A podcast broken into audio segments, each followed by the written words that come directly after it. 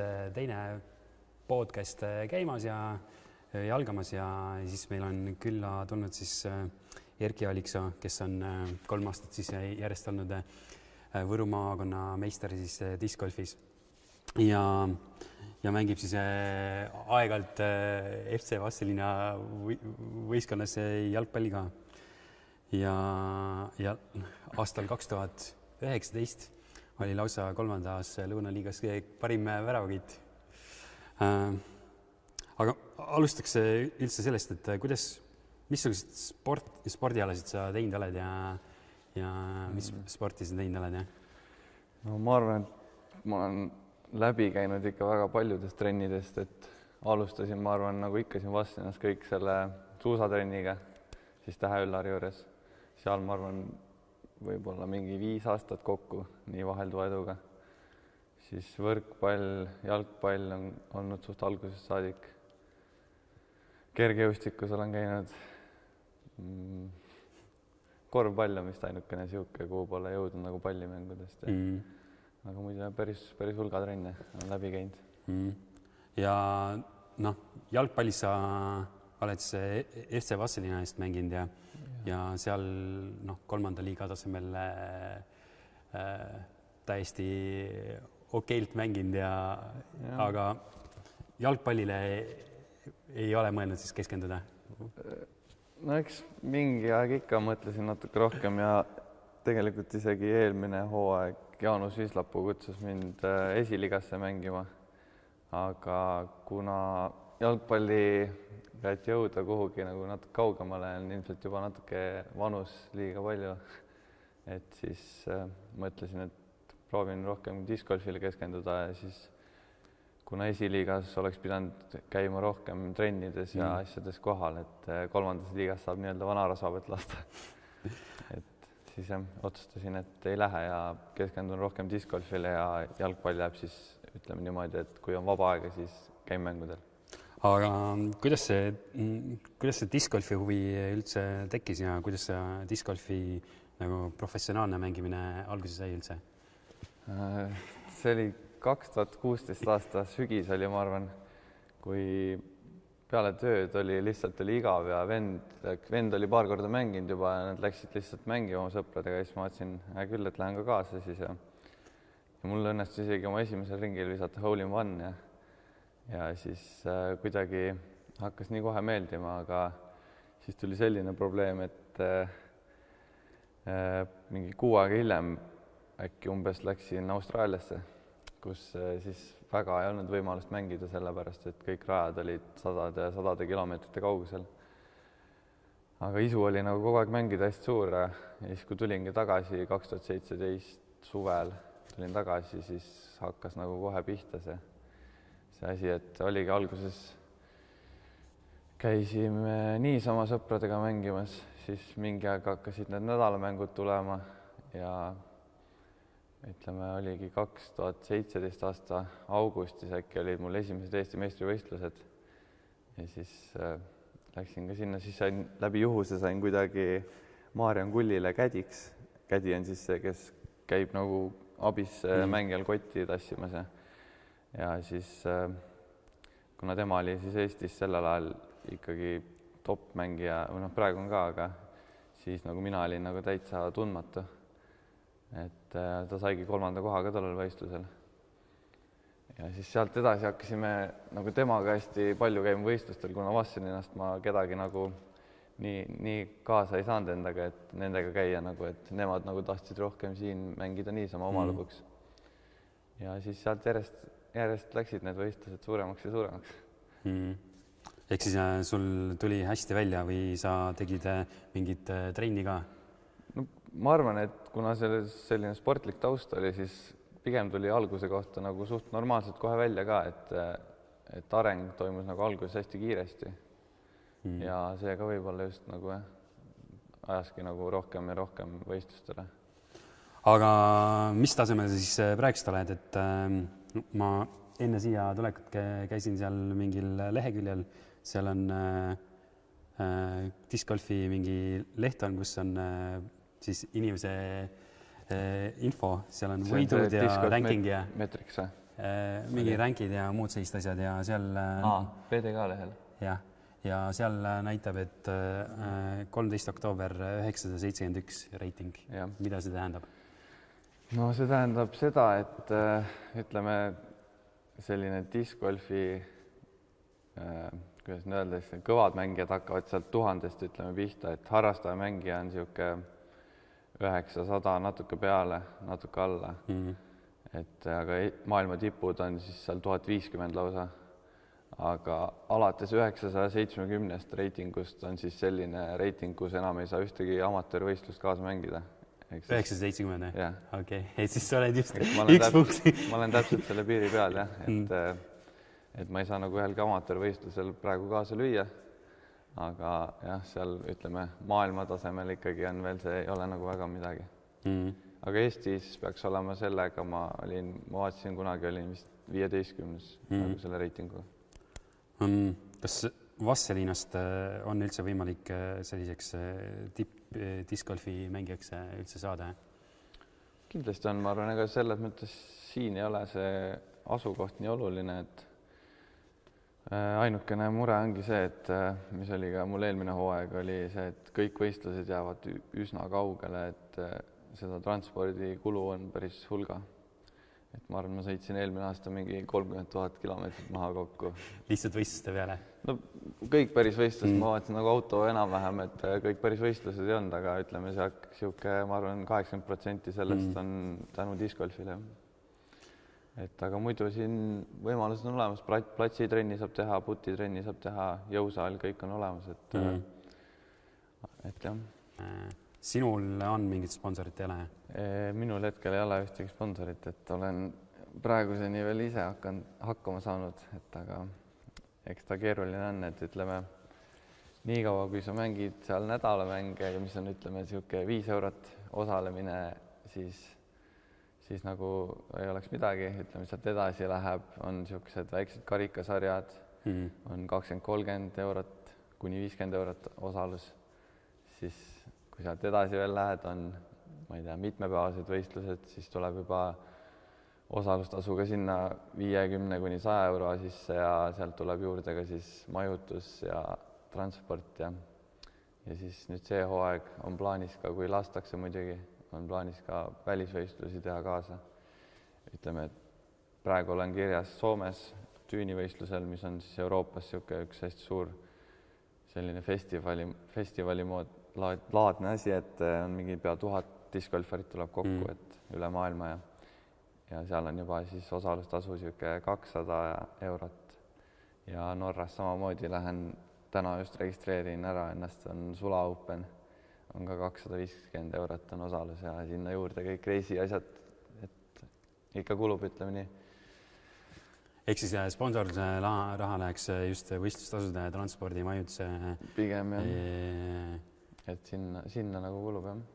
Ja varustuse peale, kui palju varustus tegelikult ongi see, et selle peale pigem ei kulu enam, et kui sul on see kott on koos, sa ütleme niimoodi, käid siin võistlustel, võidad juurde neid kette, kinkekaarte, et eh, varustuse poole pealt ilmselt eh, saaks hakkama, et noh, või noh, saakski hakkama, et sest et siia nagu ei kulu, aga just jah, need võistlustasud ja transport ja kõik need jutud lähevad päris kalliks aga kui nüüd rääkida sellest äh, Vastseliina discgolfi rajast, siis äh, mm, mm, mis tasemel rada see siis on?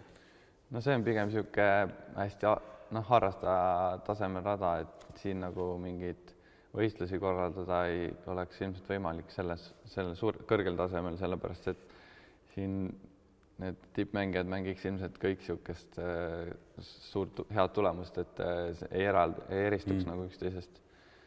Et äh, jah, see, see on nagu harrastajatele muidugi väga hea alguseks, ma arvan, niisugune mõnus Mm, kuidas see Vastseliina rada üldse alguse sai, kas sa mäletad ka? ma olingi vist äh, tollel ajal äkki Austraalias täpselt, kui see esimene idee sealt nopist või kuskilt mm. alguse sai.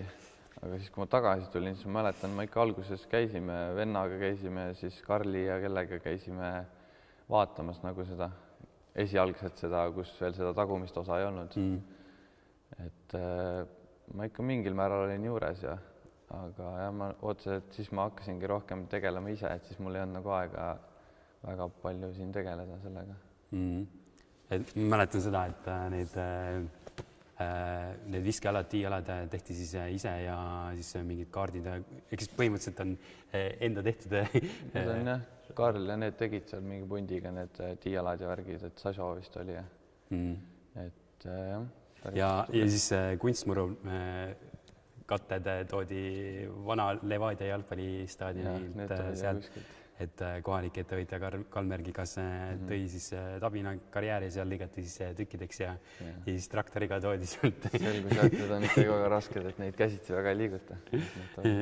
just. aga mm,, aga kui rääkida veel radadest, et kus sinule, mis rajal sinule meeldib kõige rohkem mängida? Eesti mõistes ma arvan, niisugused, mis mulle meeldib, on Jõulumäe rajad Pärnumaal ja siis äh, Elva kindlasti on hästi väljakutsuv. Äh, Mäetaguse, Alutaguse. ja ma arvan, et eelmine kevad käisin ka Hispaanias, seal oli niisugune päris huvitav rada mägede vahel, et mm. enamus korvid olid niisugustel mäekallakute peal ja niimoodi, et seal pead hästi kontrollima, et kuidas seda ketast siis maandada, et ta ei hakkaks veerema mm.. aga missugustel radadel sulle meeldib üldse mängida? Äh, mulle meeldib niisugune ma arvan, et hea kombinatsioon niisugune, et on natukene niisugust lagedat, kus saab visata nagu siis nagu eksimisruumi nii-öelda rohkem, aga mm. võib-olla visked on vaja pikemalt teha, aga samas ka niisugust äh, metsast rada, kust on nagu vaja metsatunneleid tabada ja eksida ei tohi siis nii palju, sest kui saad puukiki, siis oled, oled kuskil halvas kohas äh,. võtsin siis äh, siin, me siin noortekeskuses lähetame ka neid äh, mingeid kettaid, et äh, et kui sa äh, selline discgolfi mängija jaoks äh, oluline see ka, et äh, peab olema selline äh, erinevaid kettaid ka, millega mängida no.. et, et kui sa vaatad meie kettad, et, et kas nendega saab üldse mängida? Kindlasti saab. sellega vist ei saa. See on vist ultimate vist oma jah, et sellega seda mängu ei saa mängida, aga kindlasti saab, ma arvan, siin ma vaatan, näiteks see oli mul alguses kindlasti üks põhidraiveritest siis on siin Zone, mis on väga populaarne kõik nagu professionaalsetel mängijatel kõikidel või no mitte kõikidel, aga kes mängivad, ütleme, Discraftis, siis see on kindlasti üks põhilähenemisketas. Mm.. et ja putterid ja ma arvan, et siit leiab kõik kindlasti kõike, et äh, siit saab valgeajale, ma arvan, väga hea komplekti kokku, et mm.. aga võib-olla siis sa räägidki natuke rohkem nendest äh, ketastest, et äh et äh, missugused kettad peavad või missugused kettad on ja, ja missugune see varustus on, mida see discgolfi mängija endaga kaasas kannab siis? no ütleme siis võistlusringi ajal on siis tavaliselt on, ongi kotis siis ma ei tea, enamustel on siin, ma arvan, mingi kahekümne ringis umbes kettaid, siis kindlasti on siin käterätikud, kui pikad ringid on, siis kõvasti müslibatoone, et suurtel võistlustel võivad, ütleme, võistlusringid olla neli-viis tundi pikad mm. isegi, siis on tool tavaliselt või vihmavari, kui on vihmast ilma lubada. ja ega siis ongi, muud ei olegi, ütleme sääse off ja niisugused äh, asjad ja. Aga kuidas see discgolfi mängija neid äh, kettaid äh, valib, et et kuidas temale need kettad välja kujunevad, millega ta mängib? ütleme, et kettad võiks siis, siis olla niimoodi, et kõik niisugused äh, visked saaks tehtud. et kuidas ma ütlen, et, äh, et iga viske jaoks on tegelikult äh, selline ketas, et sa ei, sa ei saa teha putteriga samat viset, mis sa teed driveriga ja nii edasi, et aga need ketad ongi nagu hästi erineva stabiilsusega. ütleme, et kui see stabiilsus on siis see, et kui palju ketas suudab nagu lennata siis sirgelt nii-öelda, kui sa mm. viskad tagakäega teda siis ülestabiilne ketas tahab hästi ruttu hajuda ära vasakule, aga siis mida alastabiilsemaks läheb, seda rohkem ta käib korraks vasaku või paremale, siis tahab vasakule mm. tulla. et siis nende viskejoonte järgi siis tulebki see kott kokku panna kuidagi, et ja lõpuks ka igal mängijal on erinev, ütleme siis käekuju, et kuidas siis kätte kõige paremini sobivad, et et see tuleb nagu aja peale kuidagi tuleb kokku see komplekt siia. et sellist asja ei ole võimalik, et lähed äh, poodi ütled, et äh, anna mulle see ketas ja siis kohe sobib see? no võib eh. juhtuda, aga ütleme niimoodi, et kui sellist võistluskotti nagu, siis see ikkagi kujuneb natuke see noh, kujuneb kõik aja peale, et päris nii poest otse kõike, mis sobiks, ma ei usu, et saab mm.. ja erinevad sissemängituse astmed on ka selles mõttes, et kui sa ostad poest leti pealt ketta, siis ta lendab ühtemoodi, mängid temaga mingi, ma ei tea, kuu aega, kaks kuud, kõvemat plastikuid peab natuke rohkem mängima sisse, siis tal ka see lennujaam muutub tegelikult mm.. aga mm, taasta on ikkagi niimoodi, et äh, tuleb siis äh, trennides äh, proovida ketast ja, ja vaadata, et kas see üldse sobib ja. ja kui ei sobi, siis vahetad välja ja Täpselt. võtad mingi uue kette. Täpselt nii. Mm.. hästi palju punkte jagatakse ära siis ütleme seal lõpu viimases kümne meetri ringis, kus siis, kuhu jõuad siis nii-öelda putile. Mm.. et siis, äh, siis ongi hästi oluline tegelikult see puttimisoskus just, et äh, drive ida, drive ides on need vahed, ma ütleks isegi väiksemad, ütleme see täitsa tipus, et äh, lõpuks tulebki see, et kes nagu putib, putib paremini. ja siis noh, puti liigutus ongi siis äh, alates kümne meetri ringist korvi ümber on siis niisugune ala, kus enam ei tohi peale viset äh, edasipoole mm. liikuda. et kui üle kümne oled, siis võid teha ka nii-öelda seda jump put'i, et astud peale viset edasi. ja puttimisel üldiselt on siis, kasutatakse niisugust grippi umbes, et need sõrmed on siin noh, jälle kuidas kellelgi mugavam on mm., on siin niimoodi all, üks sõrm on jälle siin rimmi peal kuidagi, kuidas kellelgi mugavam ja siis käsi võiks liikuda võimalikult nagu sirgelt, et ei too teda kuskilt siit niimoodi või siit või et siis nagu saad kõige stabiilsemalt nagu seda ühtlast sirget viset mm. ja siis teedki niisuguseid väikseid randmeliigutusi ja et ja see on nagu niisugune, kus jah, aga üks asi on tõesti see trennis teha seda ja teine asi on see võistluspinge, et kui sa oled võistlusel, teed sedasama asja viie meetri pealt, siis trennis laod järjest viiskümmend tükki sisse, ei ole midagi, aga võistluse ajal lähevad mõtted vahepeal uitama ja siis käsi ja pea ei tee enam koostööd väga hästi, et mm juhtub, et tuleb ka viie meetri pealt ja isegi vähema pealt tuleb tegelikult eksimusi. aga kui palju sina üldse trenni teed siis? no hetkel, kuna on talv, siis ütleme nii, et peale tööd väga palju sellist mängulist trenni ei jõua teha, et äh, kui on, vahepeal olen käinud siin, olengi siin skatepargis käinud seda niisama putitrenni tegemas ja siis ütleme, et kolm korda nädalas käin jõusaalis, et sellist äh, üldfüüsilist hoida. et aga ilmselt kui, kui nüüd natuke ilmad lähevad paremaks ja valgem on ka pikemalt, et siis ikka põhimõtteliselt ma arvan, iga päev, et äh, peaks ikka väikset trenni tegema et ja. eelmine, eelmine hooaeg ma vaatasin, eile just oli mul augusti või tähendab mitte augusti, vaid suvekuudel oli siis äh, keskmiselt kakskümmend neli võistlusringi kuu jooksul. ehk siis ma arvan, et terve suve peale üldse mingi võib-olla kümme päeva, kus ei mänginud nagu diskgolfi mm.. aga, ja see jõusaali treening, kui oluline see siis on? Ma arvan, et äh, mingist, äh, mingist hetkest ta ikkagi tuleb mängu, ütleme, kui sa saad seal mingi distantsi ära, et äh, selline, ma arvan, sada kakskümmend, kolmkümmend, nelikümmend meetrit drive'i, et sealt edasi natukene saada, siis on vaja ka natuke juba jõudu rohkem sinna taha. Mm.. et siis kindlasti tuleb nagu vaja kasulik ma siis ise proovin ka, et ma ei ole väga discgolfi üldse mänginud, kuigi rada on siinsamas ja võiks käia, siis äh, proovin äh, e-, Erki ketastega visata, et, et siis ma peaksin panema niimoodi. Need lähevad nagu siia laiali, paned nagu siia kätte ja need on siin nii toetavad, jah. ja siis äh,, siis, siis viskan lihtsalt niimoodi. nagu siit jah, eest tõmbad nagu sirgelt, käsi rohkem siia, siit alla ah,, okay. mitte nagu niimoodi okay., vaid siit alla ja siia keha keha juurde pigem. okei okay,, niimoodi jah? jah, ja siis nagu ja sirgetad siit lükkad siin ei olnud nagu seda, sa pead kettale andma nagu seda spinni ka, et spinni ka, jah? see oli nagu selline surumine. okei okay. natukene ka spinni juurde. juba, juba parem aga siis, kui äh, ketas maandub sinna peale, siis see loeb see ei loe, kui ketas jääb siia peale seisma, siis see ei loe okay.. siis sa pead, äh, märgistad siia alla endale markeriga koha, selle väikse markeriga ja siis putid sisse. kui siin äh, mõni noormees või tütarlaps mõtleb ka, et ta tahaks discgolfis tippu jõuda, siis kuidas tema peaks alustama? kui mingeid küsimusi ja asju on, et siis kindlasti pro-, küs-, nagu küsida juba nende käest, kes on mänginud ja ja ega siin muud ei ole kui trenni ja trenni, et seal praegu on küll väga päris mitu niisugust noort, kes nagu on väga, kes teevad väga palju trenni ja on juba väga heal tasemel, et mm. ma arvan, et tulevikus siin Eestis ikka on neid. ehk siis ja nemad alustavad mis vanuses? praegu on niisugused, äh, nad on mingi niisugune kaksteist, kolmteist on juba ja mängivad väga-väga hästi, et mm., et saab küll.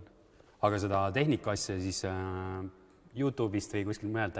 algatuseks kasvõi Youtube, et eks ise ka alustasid, kõigepealt tegid valesti ja siis hakkasid vaatama, kuidas õigesti tehakse, et äh, lihtsam on muidugi alustada kohe õigesti, et kindlasti noh, Vastsõnas ja siin Võrumaal võib-olla ei ole neid treeninguid ka, aga ütleme Tartus ja sealt edasi Tallinna poole, et seal saab ka trennidesse kohe, et saab kohe õigesti hakata õppima, et asja mm.. ehk siis treener peaks ikkagi vaatama, kuidas see viskamine toimub. nojah, sest pärast, kui sa ise õpid endale mingi liigutuse valesti sisse, siis seda pärast äh, välja harjutada on palju raskem, kui kohe õigesti õppida mm..